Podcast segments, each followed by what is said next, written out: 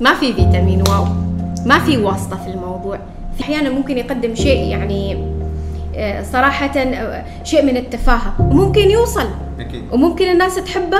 ولا وتتابعه بعد. صح ولا لا؟ أهلي لاحظوا أنا عمري ثمان شهور أنا بديت أتكلم.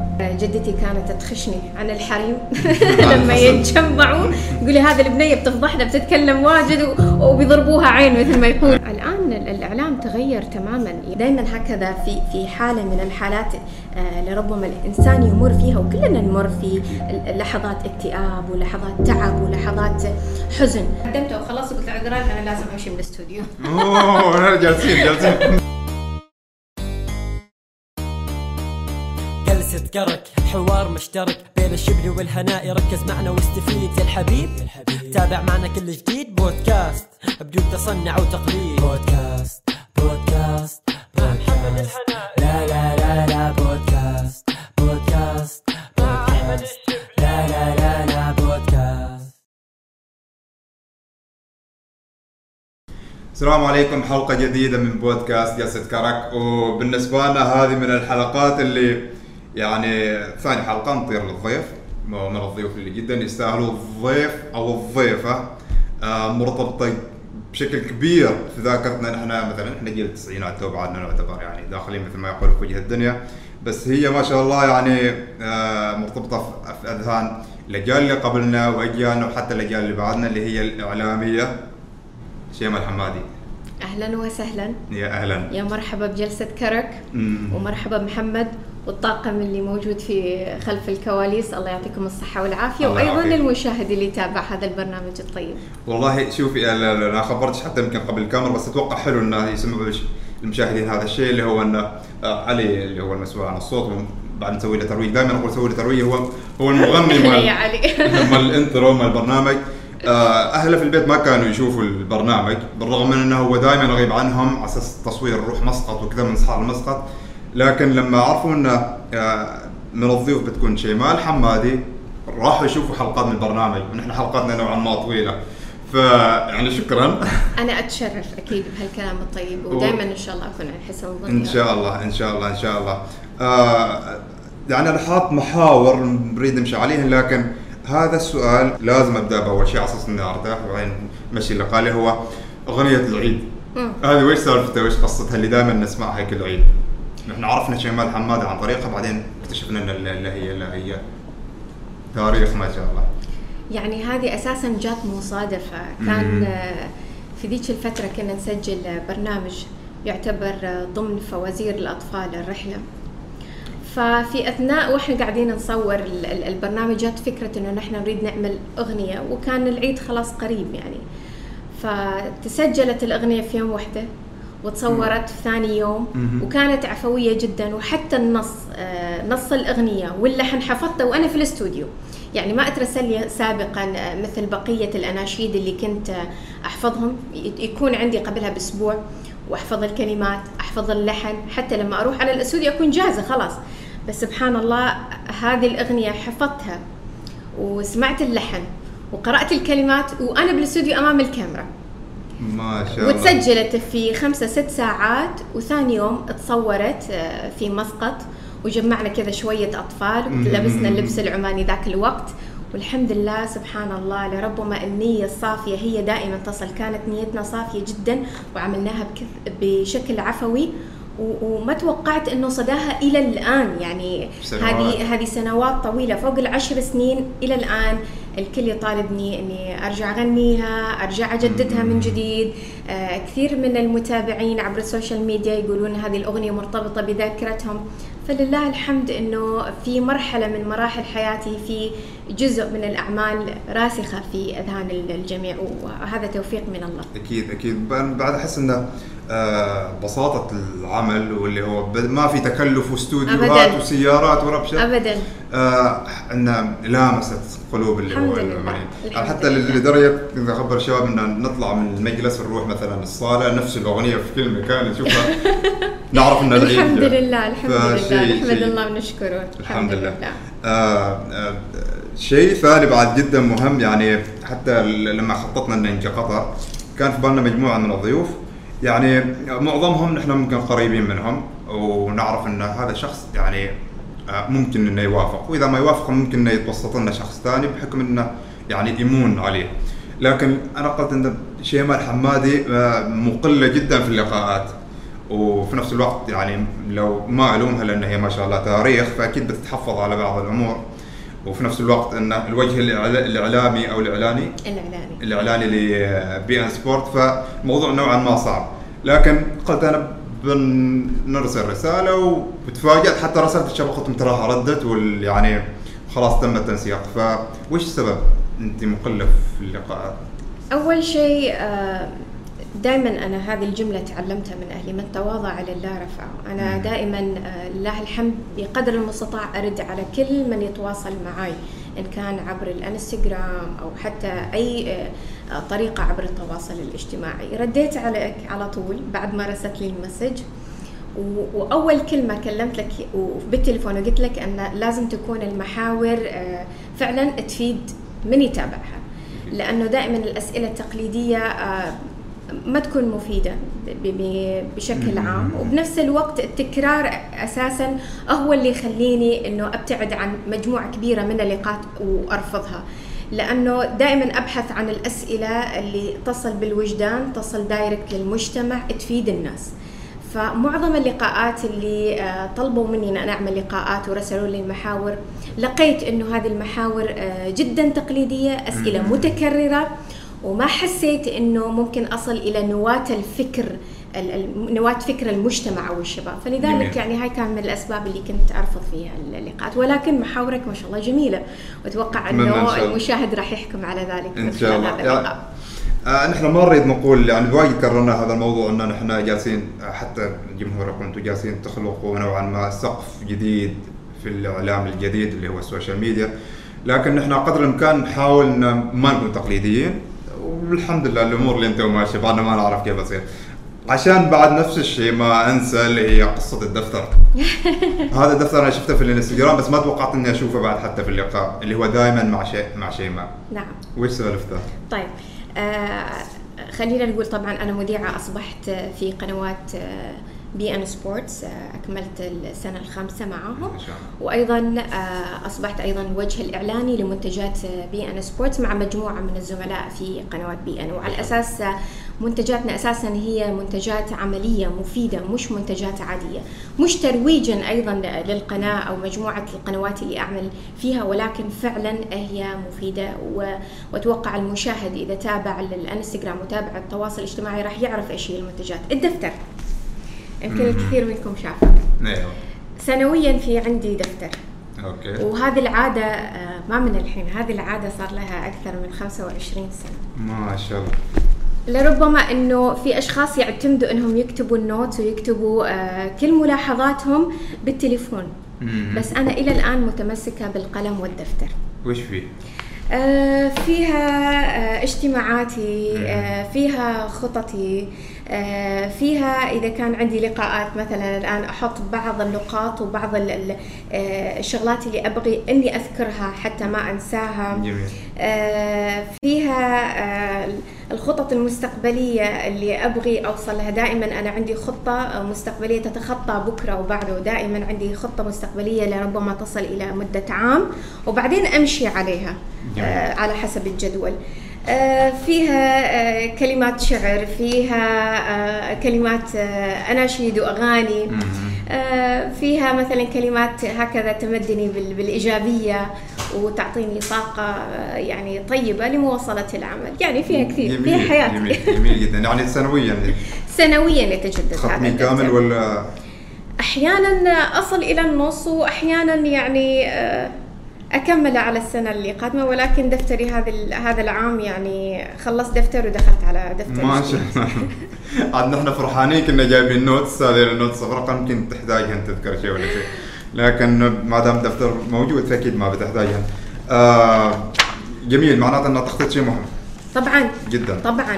آه، ال- الإنسان إذا عاش حياته بشكل عشوائي محمد وما. خطط لحياته أتوقع راح يعيش في حالة من ال- الفوضى. بس لما يكون الإنسان منظم في حياته وعارف من الساعة هذه أنا راح أصحى للساعة هذه أنا راح أنام إيش راح أنجز من مهام طول اليوم؟ راح ينجز.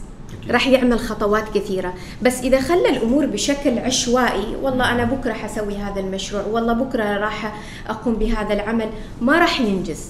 ولكن إذا قام بجدولة معينة ومشى عليها راح ينجز الكثير. وهذا الشيء اتبعته من سنين طويلة وفعلا لما يخلص 2019 على آخر يوم كسبيل المثال أفتح صفحة جديدة ما أريد أفتح الصفحات المكتوب فيها. أوكي. أعمل هذه الحركة. اللي هي؟ خلصت هذا. خلصت هذا. هذا المشروع تأجل. هذا صح. هذا فعلا أنجزته ولقى آه، إعجاب ولقى رواج ممتاز ولقى أيضا نجاحات كثيرة. راح أرجع أكرر هذا المشروع مرة ممتاز. ثانية وهكذا. على فكرة هذا مش غلط.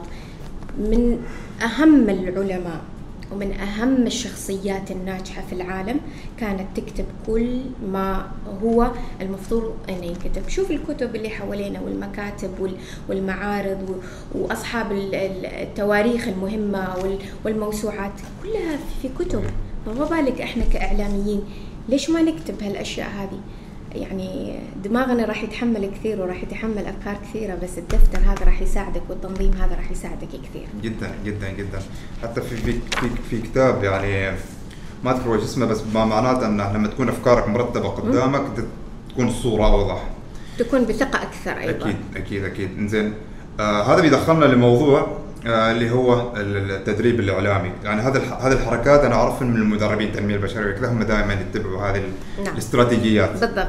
فالتدريب الإعلامي هو شيء ما نقدر نقول اليوم مدربة في أكاديمية آه أكاديمية الخبر دربت في اللجنة الأولمبية الأكاديمية. آه، دربت مجموعة من الرياضيين. طبعا كيفية التعامل مع وسائل الإعلام الرياضية هذا أيضا جانب مهم. آه، الرياضي أكيد آه، راح يحتك مع الكاميرا مثل ما هو يحتك في صالات الرياضة ومع مجموعة من الرياضيين للحصول على أهم الكؤوس والميداليات. أيضا راح أكيد راح يكون عنده مؤتمر صحفي مثلا أو أي لقاء. إيش اللي صار من بعد المباراة؟ خبرنا ردو- ردود الفعل وغيره. طريقة التعامل مع وسائل الإعلام الرياضي له طريقة مختلفة تماما وله أسلوب مختلف. آه وصلت إلى هذه شاء الله. آه أدرب آه هالأشخاص السنين اللي مضت من عام 1992 إلى 2019 27 سنة ما شاء الله. أدركت وين الصواب وين الخطأ وحاولت بقدر المستطاع أني أتفادى أشياء كثيرة في حياتي بال بال بين قوسين الخطأ الآن آه، صارت عندي تراكمات وصارت عندي آه، خبرات مختلفة بسبب أيضا الاحتكاك المستمر. 27 سنة برنامج ورا برنامج ما توقفت ولا سنة من الله. السنوات كلها عمل في عمل. فلذلك صارت عندي أكيد حصيلة. هذه الحصيلة الآن أنوي أن أنقلها للأجيال القادمة حتى يتجاوزوا مرحلة الخطأ وهم يختصروا مسافة الزمن ويوصلوا للتقديم السليم والتعامل مع وسائل الإعلام بالطريقة السليمة. ممتاز ممتاز ممتاز. انت انت تتكلمي جالس اتذكر كذا مجموعة أسماء قدم فعالية أو حفلة في مهرجان سمى نفسه إعلامي. ما بين ان في أشخاص مثلا أحب أضرب دائما مثال مصطفى الآغا والأستاذ خالد الزديالي. 40 سنة وفي نفس الوقت يخجل إنه يسمي نفسه إعلامي. لأن آه، يعني لازم يكون على الأقل لأن الإعلامي عن- عنده رسالة. طبعا. على الأقل. أكيد أكيد. إنزين هذا بيقودنا لسؤال اللي هو آه كيف ممكن الإعلام يعني دائما آه ما اريد أقول إن العمل روتيني لكن مج- البرنامج ممكن يكون شيء جديد آه ميول جديد توجه جديد لكن ال- الحلقة الخامسة السادسة العاشرة يبدأ الموضوع يكون روتيني نعم. فكيف ممكن للاعلامي انه خصوصا لو استمر البرنامج لمواسم كيف. كيف ممكن إنه يحافظ على رسالته في ظل اللي هو ال- ال- العمل الروتيني وما يكون مجرد إنه هو ناقل للحدث آه، محمد بالنسبة للروتين أنا أعتبر أنه هذه آه، شغلة صحية. بالعكس الإنسان لما يمر في روتين عمل لفترة آه، محددة آه، يصير عنده ترسيخ المعلومة أكثر في ذهنه ويتعرف على شغلة بشكل كبير.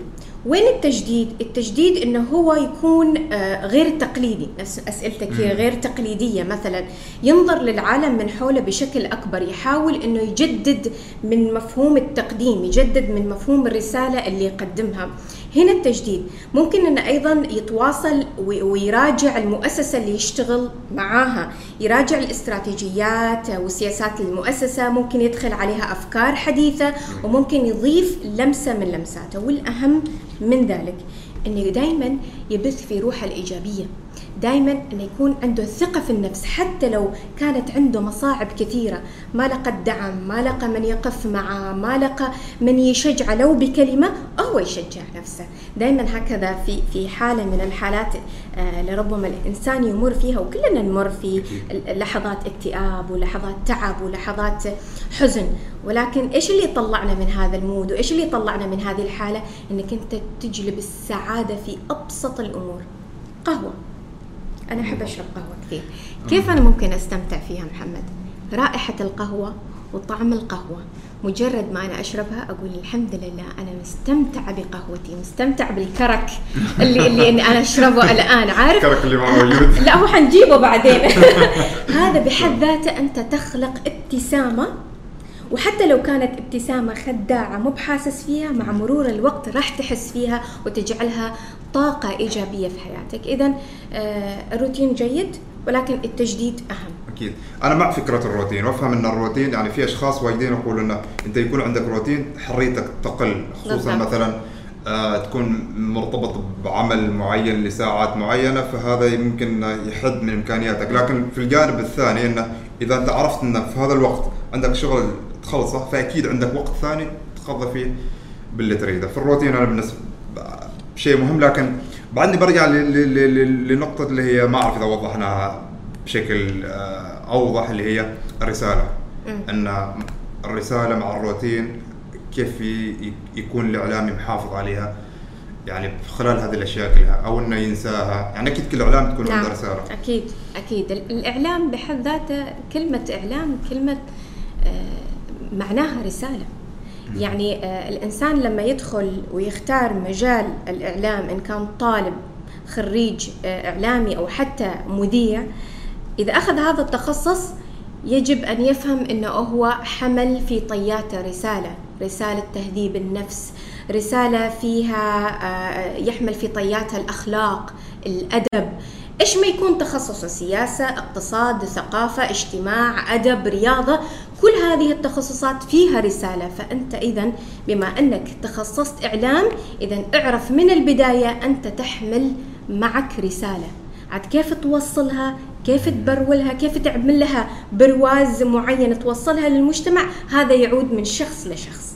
فأكيد 100% الإعلام رسالة. ممتاز ممتاز ممتاز جدا. زين هذا بعد بيودينا لموضوع آه آه جدا جميل وهذا بسبب أتوقع قلق في لبعض الإعلاميين انه في إعلاميين ما شاء الله متمكنين لكن هم ما متخصصين نعم بس هم ممارسين للإعلام لكن هم في نفس الوقت تفوقوا على المتخصصين من ناحية مثلا نقدر نقول الانتشار، البرامج، النجاح في المجال الإعلامي. وهذا يسبب لبعض المتخصصين آه، ما أريد أقول حرج لكن يمكن غيره. وما أريد نفس الوقت الوقت أقول حسد لكن في نفس الوقت هي انه آه، هذا مجالنا أنتم جالسين تنافسونا فيه. ف كيف هل هل الاعلامي لازم يكون متخصص أم ممارس ولا الشيئين ولا كيف بالضبط؟ شوف آه، إجابة آه، هذا السؤال يعتمد أيضا على شخصية الإعلامي. في بعض الإعلاميين مثل ما ذكرت محمد يحبوا التخصص. خلاص أنا متخصص في هذا المجال أبدع فيه أستكمل فيه سنوات عمري كله. وفي بعض الأشخاص يجدوا أنه في مخاطرة نوعا ما لما يغير من تخصصه. مثلا آه، بدايتي كانت برامج أطفال بعدين برامج شباب بعدين برامج اجتماعية بعدين برامج ثقافية الآن النقلة ال- ال- الأخرى رياضة. بالعكس أنا مع تغيير التخصص ضد أنه آه، أكون في تخصص معين لسنوات طويلة. آه، حلو التغيير حلو المخاطرة لأنك أنت تتحدى نفسك آه، أنت ت- تغير من نفسك. أنت الآن تطلع ب- بصورة لربما في في تخصص معين الناس حبوك بس لما تغير هذا التخصص الناس تحبك أكثر. صحيح. ممكن توصل رسائل إعلامية أكثر وأكثر. انت في في نلاحظ أن أكيد في مذيعين أو مقدمين أو إعلاميين أو اللي يكون آه حصلوا صعوبة أن مثلا هو استمر على نسق معين مثلا ما نقول آه، البرامج اللي هي إخبارية أو مثلا إذاعية واللي يكون. ف يحسوا أن أنا بخاطر ممكن بتاريخي كامل لو قدمت برنامج في فئة ثانية مثلا أنتقل مثلا من المايك لل- لل- للشاشة أو العكس. فكيف ممكن شخص يتغلب على هذه المخاطرة؟ أو إنه بالتجربة. مم.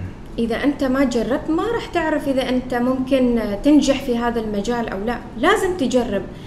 لازم تعيش التجربة لازم تقدم. إذا مثلا أنت مذيع تلفزيون وما قدمت في, الإذاعة طب أنا كيف ممكن أقيم نفسي وأعرف إنه هل أنا فعلا أنفع أصير مذيع آه، إذاعي أو لا؟ أجرب. أقدم فكرة آه، لو حتى كانت مسجلة مو ضروري إنه يكون لايف أو حتى يكون على الهواء مباشرة حتى ما يتورط مثلا أو ما يجد نفسه في في هذا المجال. أجرب ما عندي مشكلة. خليني أجرب حلقة حلقتين ثلاثة وبعدين أشوف صدى الناس. هل الناس حبت هالفكرة؟ هل الناس تقبلتني؟ هل آه، المستمع لأنه عيون المستمع وقلب المستمع وعقل المستمع من خلال الصوت. فهل أنا من خلال صوتي وصلت إلى هذا النواة أو لا؟ فمع التجربة أكيد يقدر أنه يقيس هذه النقاط. أنت بديتي في المسرح أتوقع؟ بديت في المسرح. ولا في الإذاعة بالضبط. المدرسية؟ بديت في الإذاعة المدرسية ومن ثم المسرح. يعني كانت في في. نفس الوقت في سنة 92 ما شاء الله. وفود ومشاركات واللي اللي إيش يسمون بعد آه مهرجانات مسابقات ما شاء الله كل شيء. نعم. ف يعني في هذاك الوقت نقدر نقول إنه بعد الإعلام نوعا ما آه كان ما أريد أقول إنه يعني فريش ما أعرف كيف أوصفها إنه كان بعد وليد. لكنه هل آه دعم الأهل كان هو السبب الرئيسي في إنك أنت تستمري في ذا المجال؟ مئة في المئة. أول شيء هو توفيق من رب العالمين. الحمد لله رب العالمين. ورضا الوالدين عليك وأهلك هذا هذا شيء مهم جدا. آه، هو اللي وصلك لنجاحات كثيرة. يمكن من طفولتي يعني أهلي لاحظوا أنا عمري ثمان شهور أنا بديت. أتكلم. ما شاء الله فأتذكر جدتي كانت تخشني. عن الحريم. لما. يتجمعوا تقولي هذه البنية بتفضحنا بتتكلم واجد وبيضربوها عين مثل ما يقولوا. آه. يعني هاي كانت آه، اعتقادات آه، السابقة. فلذلك من الصف الأول آه، الابتدائي دخلت في مسابقة فن إلقاء الشعر وكانت على مستوى مدارس السلطنة كلها حكومة حكومية وخاصة. فشاركت بقصيدة وحفظتها لمدة أسبوعين كانت 40 بيت. والحمد لله فزت بالمركز الأول على مستوى السلطنة في فن إلقاء الشعر. هذا كانت الانطلاقة بالنسبة لي وبعد كذا لله الحمد وزارة التربية والسلطنة أختارتني بأني أقوم بتمثيل السلطنة في أكثر من محفل في أكثر من من دولة.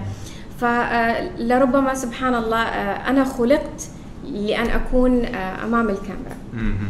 ودعم الأهل مثل ما أنت ذكرت في بداية السؤال يعني الوالد والوالدة آه، انتقاداتهم تصحيحهم لي آه، هذا صح هذا غلط لا اللي عملتي آه، كملي عليه لا هذا هذا اللوك لا. فكل هذه الأشياء مستمرة حتى هذا اليوم. والحمد لله رب العالمين يعني المدرسة من جهة أكاديميا من جهة الأهل من جهة حتى المتابعين يعني متابعينك وجمهورك لما يكتبوا لك كلمة حلوة و- ودعاء جميل ويقولوا لك إحنا فخورين فيك هذا بحد ذاته يعطيني دافع كبير إني أنا أستمر في هذا المجال سنين وسنين. أكيد. الحمد ممتاز. لله. الحمد لله.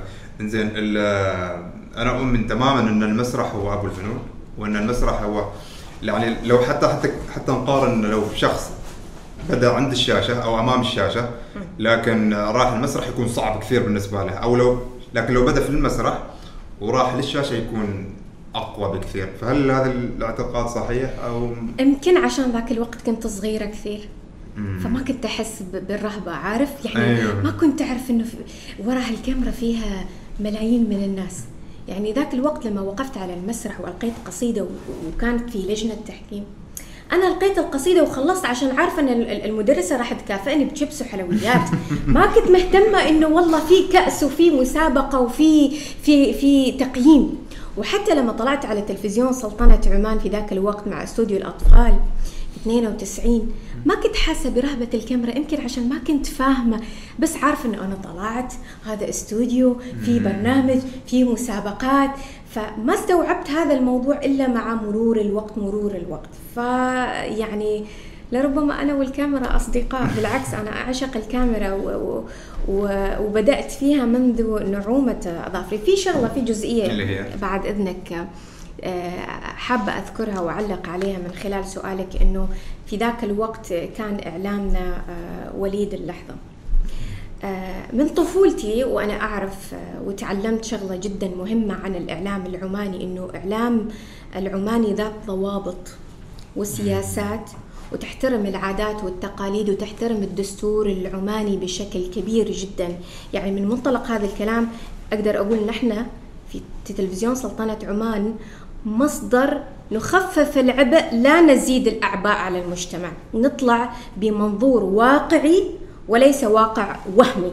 لذلك إحنا شوية آه، بتلفزيون سلطنة عمان آه، عندنا بعض الضوابط وبعض الخطوط الحمراء اللي لربما ما يفهمها هذا الجيل. سياسيا لا نتدخل في شؤون أحد ولا أحد يتدخل في شؤوننا عندنا رسالة في تلفزيون سلطنة عمان نحن أصدقاء الجميع. نحن نبث السعادة نبث آه، الوئام آه، آه، التوازن الاجتماعي من خلال صورة تلفزيون سلطنة عمان والحين أصبح واضح أمام العيان وأمام الكل. إلى الآن تلفزيون سلطنة عمان لله الحمد في اتزان. لما نيجي ونقارن على قنوات أخرى بدون ذكر أسماء ما عندهم اتزان بالعكس. في هجوم عليها في انتقادات كثيرة لربما تتدخل في شؤون آه، أخرى ولكن عندنا تلفزيون سلطنة عمان لا تتدخل في الشؤون الأخرى ولكن تحافظ على عاداتنا وتقاليدنا حتى البرامج برامج المسابقات برامج الأطفال البرامج الاجتماعية تجد وتلمس فيها العادات العمانية صح ولا لا يا محمد؟ أكيد. تجد فيها الاحترام والاتزان وهذا أكبر دليل الآن أن إحنا عندنا ثمار أسماء عمانية لامعة في الوطن العربي. فهذا الشيء ما إجا إلا لأن نحن تعلمنا هذا الشيء من مولانا حضرة صاحب الجلال الله. الله يطول بعمره ويحفظه. هذه السياسة مو من الآن هذه السياسة من السبعينات حتى الآن وسوف تستمر. وهذا أعتبر أعتبره خطة رائدة جدا من مولانا وفكره أصبح واضح الآن. شوف على مرور كم سنة. وهذا الشيء اللي أنا أتمناه أنه يفهم الجيل. عندنا برامج مسابقات. عندنا برامج اجتماعية. مهرجان مسقط ما شاء الله كمية من البرامج اللي فيها عاداتنا وتقاليدنا. عندنا تنوع ولكن تحت ضوابط معينة.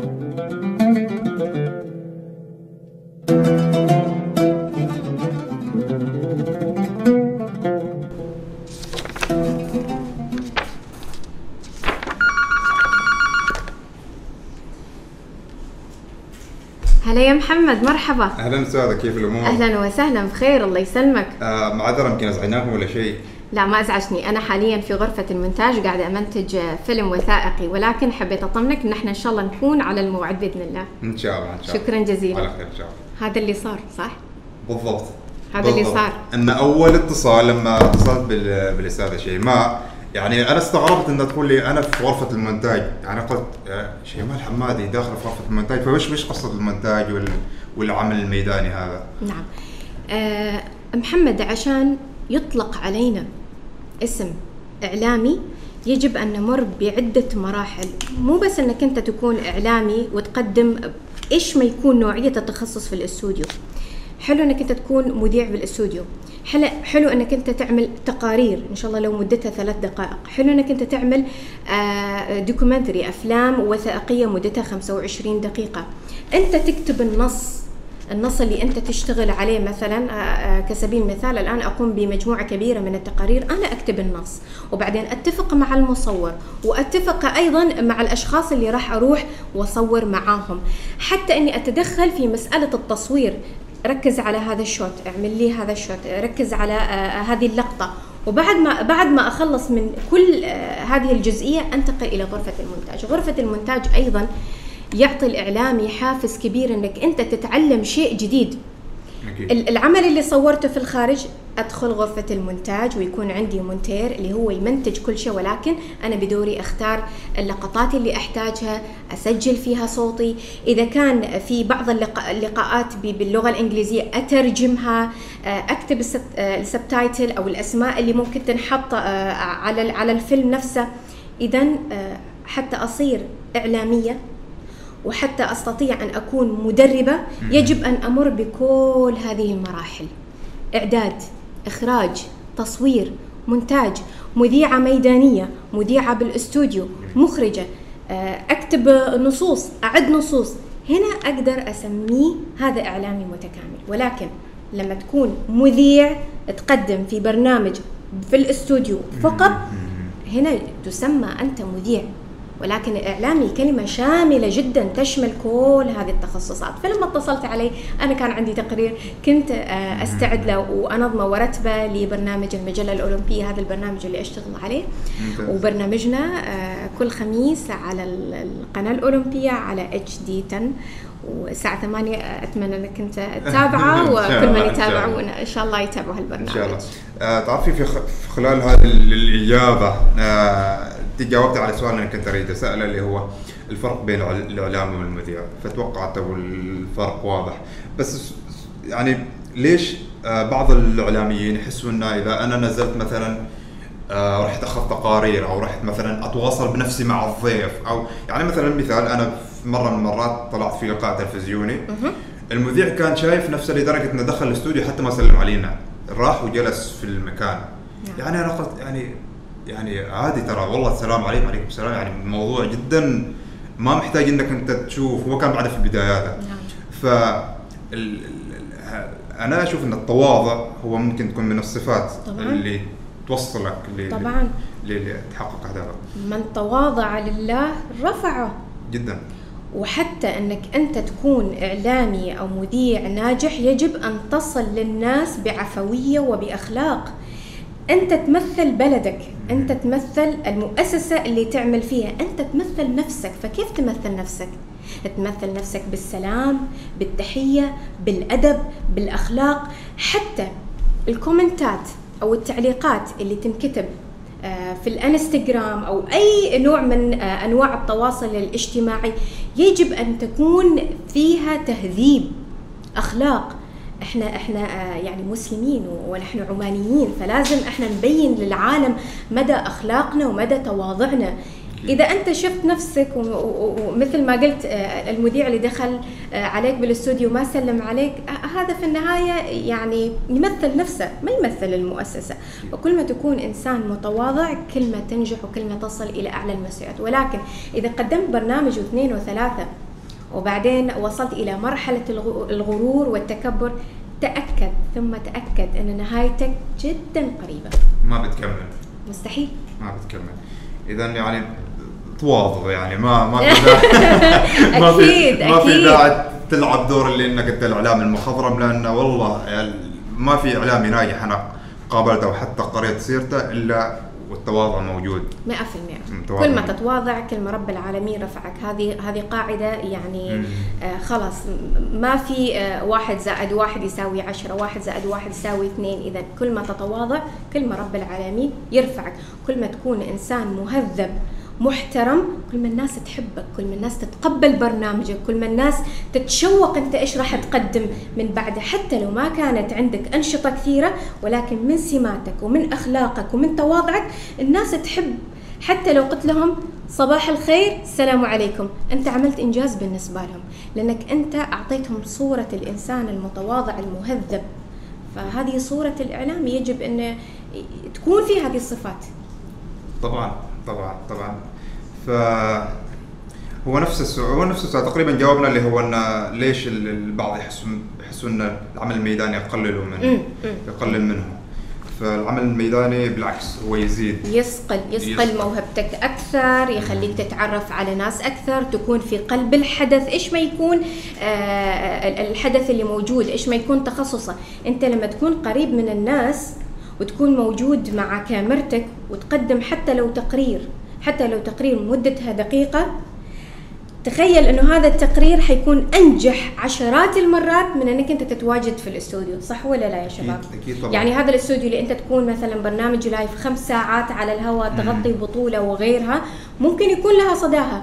بس صدى إنك أنت تكون في دقيقة واحد ممكن يصير معاك موقف العالم كله ما ينسى. فعلا صار. ممكن تلتقي ب- بمثلا بواحد من المشاهير الرياضيين مثلا ويصير بينك وبينه افيه حلوة أو موقف جميل. هذا الموقف راح يظل في ذاكرة الناس ولا وحتحطه في اليوتيوب وشوف عاد عدد المتابعة. أكيد. فاحيانا الصدف وال- والمواقف اللي تصير في الميدان جميلة جدا وتكون لصالحك لأن مو دائما هذه المواقف تصير في الاستوديو.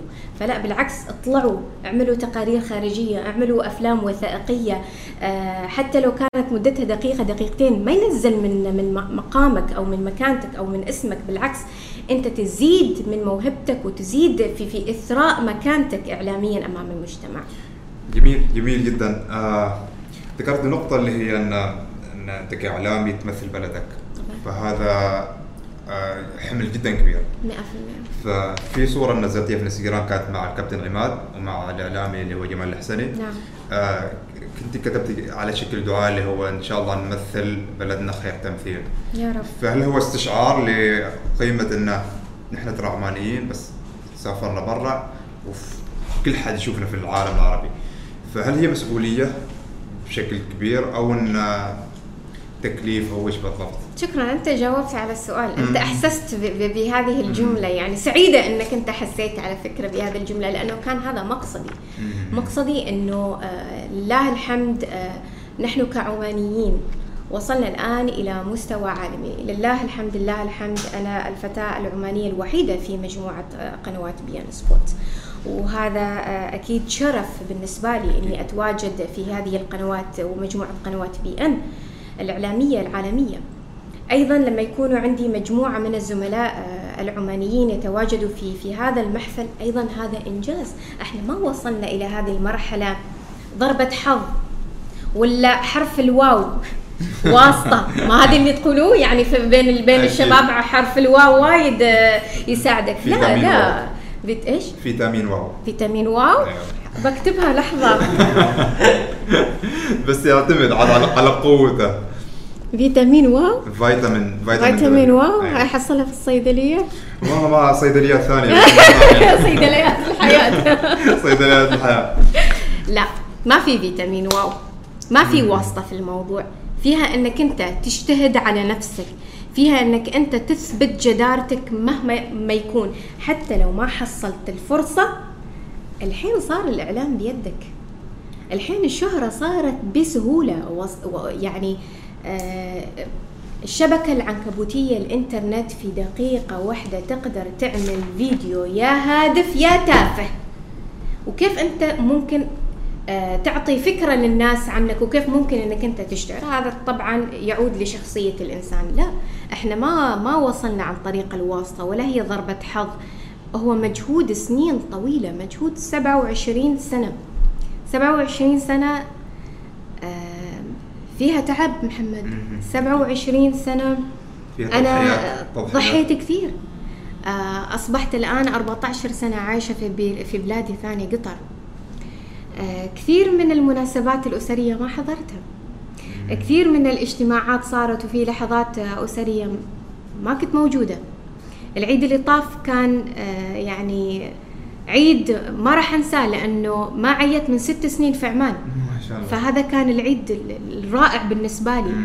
آه، ياما وصلت مرحلة ثلاث سنين ما رحت عمان عشان كنت مهتمة في عملي. في تضحيات كثيرة. آه، ضحيت ليش؟ عشان أحمل فيها اسم بلادي بالدرجة الأولى. أكيد. وعشان أبين للعالم وللناس إنه نحن كعمانيين وكعمانيات نستطيع أن نحمل أهم الرسائل وما نكون بس في دائرة الوطن العربي نصل إلى العالمية؟ وأن عندنا سقف الطموح ما واقف عند عند مرحلة معينة عندنا سقف الطموح عالي وعندنا كلمة المخاطرة هذه آه، لعبتنا لعبتنا. أو مجازفة. المخاطرة والمجازفة. أنا ممكن أخاطر في هذا البرنامج ممكن أنا ينزلني بس أنا إذا عملت واجتهدت ورتبت أموري وحضرت كويس آه، لربما هذه المخاطرة أو هذه المجازفة تطلعني بطريقة جميلة. فهذه الصورة اللي حطيتها بالإنستغرام في لها معاني كثيرة. فشكرا وفرحتني أنك أنت فهمت المقصد من آه، من هذه الرسالة. آه، تعقيبا على ال- ال- ال- اللي هو الشيء اللي كتبتيه. هذا جالس أشوف على في- فيتامين واو. آه، لو ما التضحيات أنتم ما كنتم ممكن بتوصلوا اللي وصلتوا له. اللي هو بي إن سبورت قنوات عالمية الحمد لله. والعالم شيء يتابعها فالواسطة ممكن إنها تنجحك في محيطك. وتوصلك مرحلة. أي ولكن العالمية إحنا لا. إحنا عادبين توصلك مرحلة وممكن توقف عند هالمرحلة وترجع مرة ثانية. ريوس على قولة الشباب. مم. صح؟ صح. ممكن تحصل واسطة. وتتوظف وتوصل مكتبك. والحمد لله أنا اشتغلت. بس إذا أنت ما كنت في مكانك السليم حترجع مرة ثانية ريوس حترجع. مرة ثانية إلى الوراء. ما حتتقدم. فالواسطة في الكثير من الأحيان تكون مضرة ما تكون آه، مفيدة في في في وضعك. والآن الحمد لله رب العالمين يعني في أمور كثيرة أصبحت متاحة للشباب ومتاحة للشابات إنهم يثبتوا جدارتهم في كل التخصصات.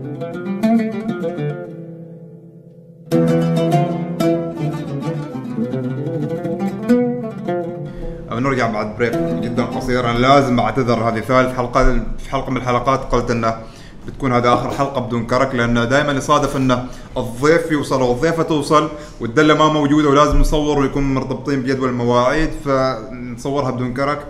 فهذا عشان مصداقيه البرنامج وهذه لأول مرة إن الضيفة هي اللي ضبطت لنا قهوة.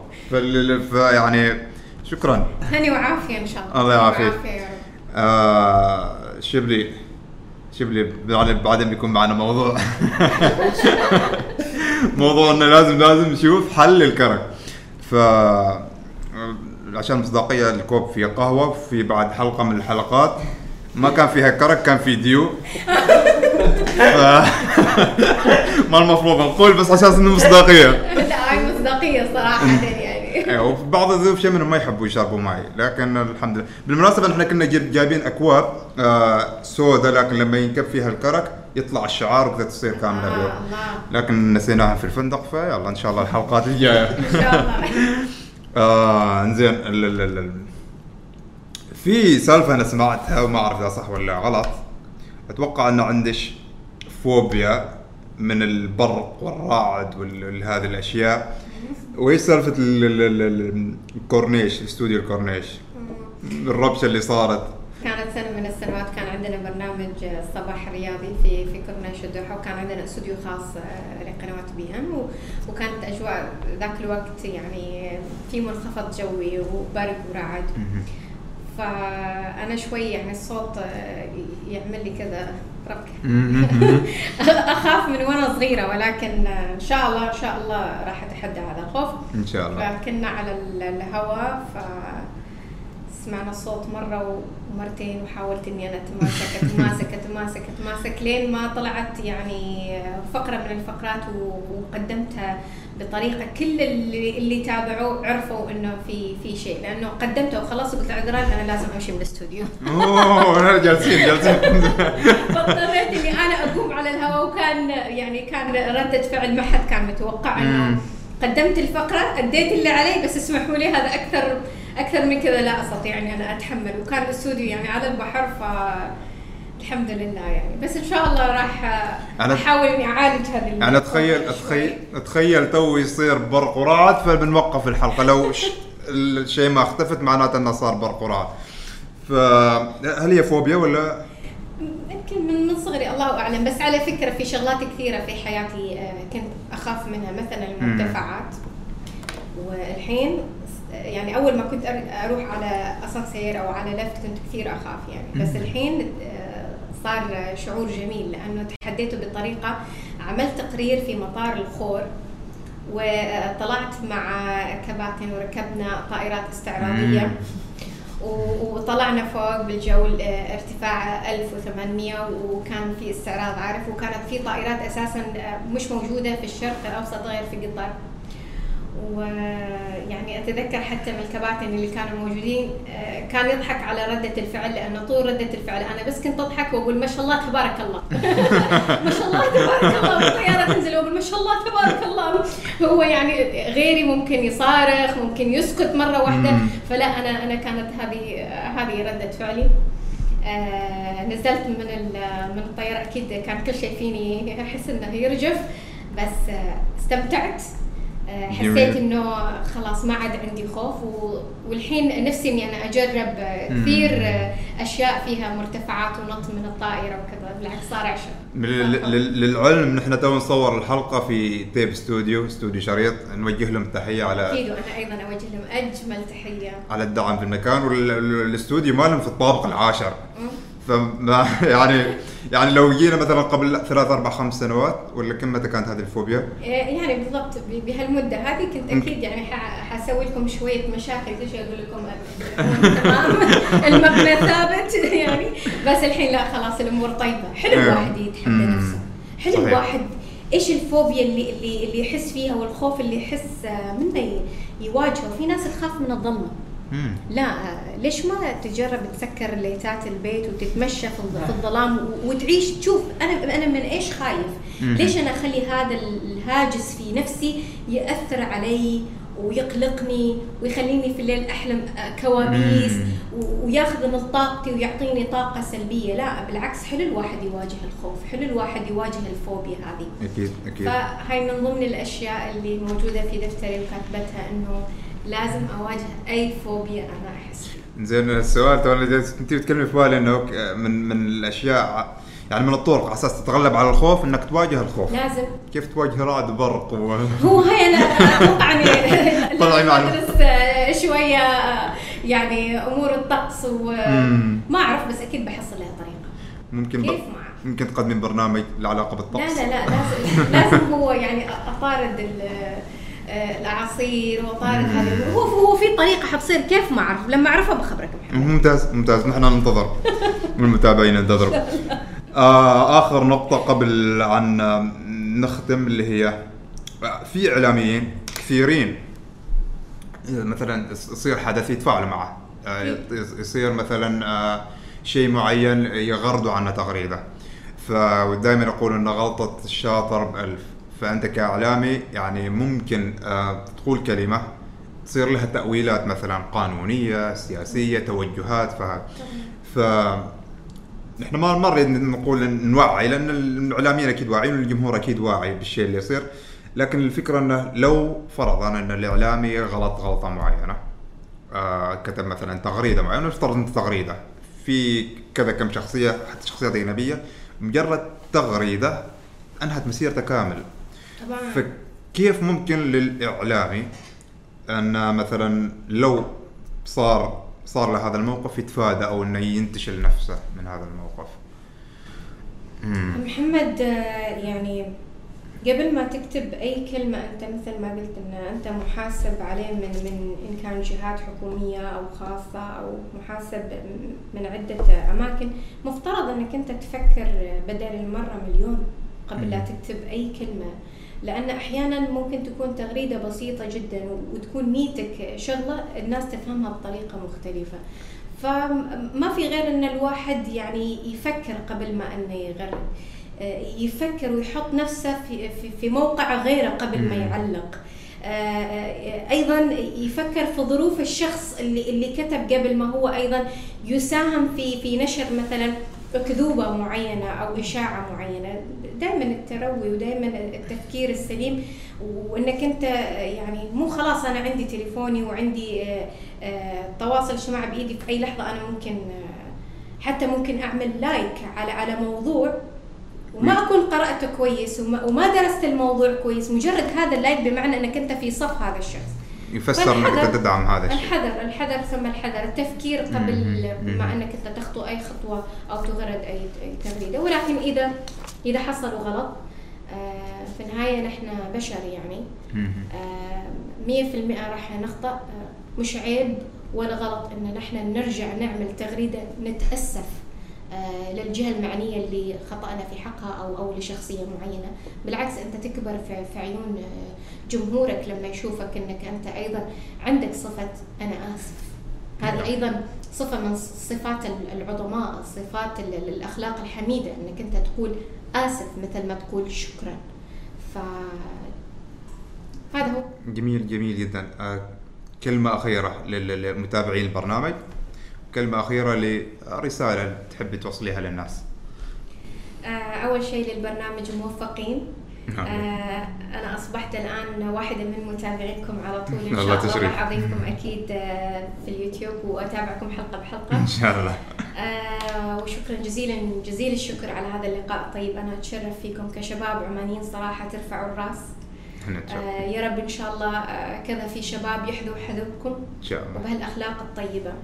وكلمة للشباب اللي يتابعونا وللجمهور اللي يتابعنا آه، دائما ثق في نفسك وتوكل على الله واجعل دائما هكذا في نصب عينك إنه من تواضع لله رفعه مهما وصلت إلى أعلى المراتب. تذكر إنه كلما تواضعت كلما رب العالمين يرفعك بدرجات عالية. وفي النهاية كل إنسان يمثل نفسه ويمثل بلده. فأتمنى إن شاء الله إني آه، مثلت آه، بلدي سلطنة عمان خير. تمثيل و- وإن شاء الله القادم أفضل وأفضل بإذن الله. إن شاء الله. آه شكرا. شكرا جزيلا. محمد. شكرا كثيرا. جزيلا. آه هذه كان تقريبا أطول لقاء أو يمكن أطول حلقة من حلقات البرنامج للآن. آه تقريبا مدتها وصلنا ساعة ونص قريب إن الساعة شاء الله اكون يعني خفيفة الظل عليكم. جدا. حتى لدرجة ان ما حسينا بالوقت. آه شكرا مرة ثانية على القهوة. العافيه إن شاء الله يا رب. من الأشياء اللي ما كنتوا تعرفوها عن شيء إنها تعرف تضبط قهوة. الحمد لله. ف آه، شكرا. آه، حسابات شيء ما بتكون موجودة في صندوق الوصف. أي أسئلة أي استفسارات لها موجودة آه، تحطوها في ال commentات وترسلوها حالها. آه like share subscribe وشكرا جزيلا مكررا لاستوديو آه، Tape Studio لأنهم ما قصروا معنا ودعمونا بال- ال- ال- بالمكان والإستضافة. ونشوفكم إن شاء الله على خير. مع السلامة. اللي يعني رسلتيه على تليفون علي شكرا. وادعي لي دائما ويعني دعائكم هو اللي موصلني لهالمستوى. الله يحفظك إن شاء الله ويخليش لينا ويطول بعمرك. هاي أحلى message أنا سمعته.